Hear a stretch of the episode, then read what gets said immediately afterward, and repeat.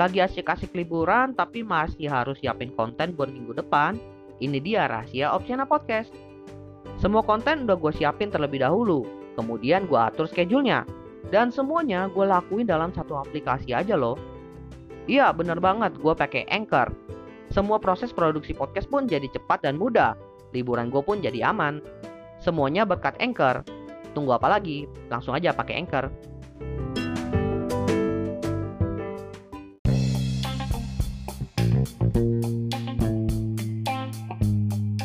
Weekly Opsia minggu kedua November 2022. Di episode kali ini gue sudah memiliki beberapa berita dari dunia bisnis, startup, dan teknologi yang tentunya nggak boleh terlewatkan. Langsung aja ke informasi pertama.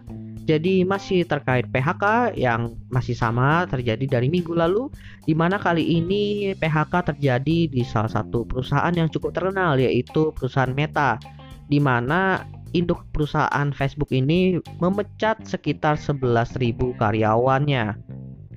Hal ini dikarenakan ya seperti kita tahu bahwa Meta itu dari segi pengeluaran juga meningkat selama pandemi seperti perusahaan lainnya. Ditambah masalah di mana jumlah pemasukan mereka itu berkurang, di mana ada beberapa sumber iklan mereka yang mulai uh, hilang juga seperti dari App Store yang mengeluarkan beberapa kebijakan terkait iklan. Selain itu, hal ini pun berdampak dari uh, proses atau investasi yang dilakukan oleh si Mark Zuckerberg di metaverse yang tentunya sampai saat ini belum membuahkan hasil dan juga mengakibatkan uh, para investor sentimen dengan dunia metaverse ini. Akhirnya pun saham dari Meta sempat turun. Selanjutnya, PHK pun masih dilakukan oleh Elon Musk tapi kali ini ia memecat sekitar 70% karyawan di perusahaannya yang berada di India. Selain kabar PHK tadi, ternyata ada sebuah kabar segar juga yang dilakukan oleh Elon Musk di mana Elon Musk itu di perusahaan Twitternya berusaha meng-hire kembali beberapa karyawan mereka yang di PHK. Beberapa karyawan yang di PHK ini di-hire kembali karena ternyata mereka itu memiliki impact langsung kepada proyek-proyek yang Elon Musk itu ingin untuk diteruskan. Lalu alasan uh, karyawan yang di PHK ini untuk di kembali adalah karena memang ada kesalahan dalam proses pemecatan di mana tidak ada walkthrough sebelum melakukan PHK. Itu kabar dari perusahaan di luar atau internasional. Nah, sekarang kita bahas uh, perusahaan yang ada di Indonesia yaitu dari Goto. Ternyata Goto pun berencana melakukan PHK sekitar 10% dari pekerjanya atau berkisar sekitar lebih dari 1000 karyawannya. Hal ini dilakukan oleh Goto karena kembali lagi kepada target awal mereka di mana di akhir tahun ini mereka berencana untuk mencapai profit. Dan untuk itu, akhirnya Goto memutuskan untuk menekan pengeluaran mereka. Berdasarkan beberapa artikel yang gue temukan, memang terjadi pembengkakan pengeluaran di perusahaan Goto itu terlebih di tahun 2021 di mana mereka melakukan hire yang bisa dibilang lumayan banyak di tahun tersebut sehingga membuat pengeluaran perusahaan pun membengkak. Makanya langkah PHK ini dilakukan untuk tetap mencapai target yang telah ditentukan oleh Goto dan juga para investornya. Lanjut ke informasi kedua, kali ini terkait kredit. Jadi per September 2022 ini ternyata di perusahaan atau uh, industri fintech itu sedang mengalami kredit bermasalah atau non performing loan. Di mana di per September 2022 Jumlahnya itu bahkan tembus sampai 5,1 triliun rupiah. Setelah ditelaah, ternyata hal ini berasal dari dua jenis pinjaman. Yang pertama itu pinjaman tidak lancar atau menunggak sekitar 30 sampai 90 hari, di mana kenaikannya itu sekitar 106% dari 1,75 triliun menjadi 3,6 triliun daripada tahun yang lalu. Pinjaman tidak lancar ini ternyata paling banyak disumbang oleh debitur perorangan yang kalau ditelaah lagi berusia sekitar 19 sampai 34 tahun atau generasi milenial dan Gen Z. Lalu jenis pinjaman kedua adalah pinjaman macet, yaitu pinjaman yang menunggak di atas 90 hari, naik sekitar 187% atau dari 521 miliar menjadi 1,49 triliun dari tahun lalu dan ternyata masih sama setelah ditelaah peminjam itu juga berada di rentang 19 sampai 34 yang menjadi kontributor terbanyak dalam pinjaman jenis ini.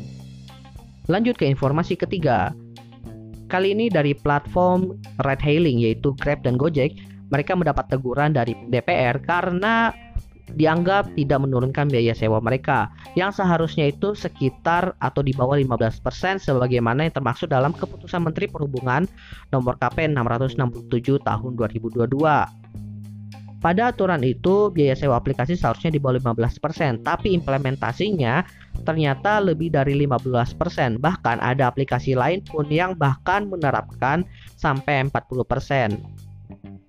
Kementerian Perhubungan pun merilis survei terkait hal ini, di mana pendapatan per hari pengemudi ojek online, di mana hasilnya itu pendapatan per hari mitra itu ditaksir sama aja dengan beban operasional yang harus ditanggung alias impas.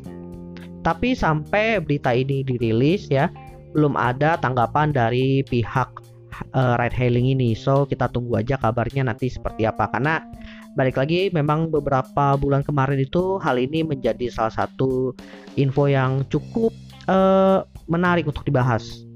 Dan masuk ke informasi terakhir, kita masuk ke bidang cryptocurrency.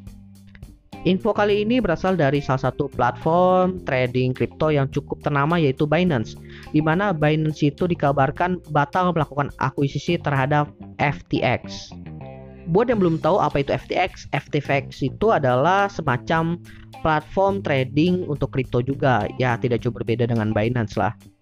Di mana kasusnya ini FTX itu membutuhkan suntikan modal agar dia itu tetap bisa bertahan dan bisnisnya tetap bisa beroperasi.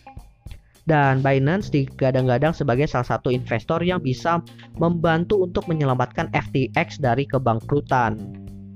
Bahkan ya, Hal ini menjadi cukup menarik karena pada awal tahun ini ya, valuasi dari FTX itu sendiri mencapai sekitar 32 miliar US dollar atau sekitar 501 triliun rupiah. Dan hal ini pun didapatkan dari penanaman modal oleh investor private.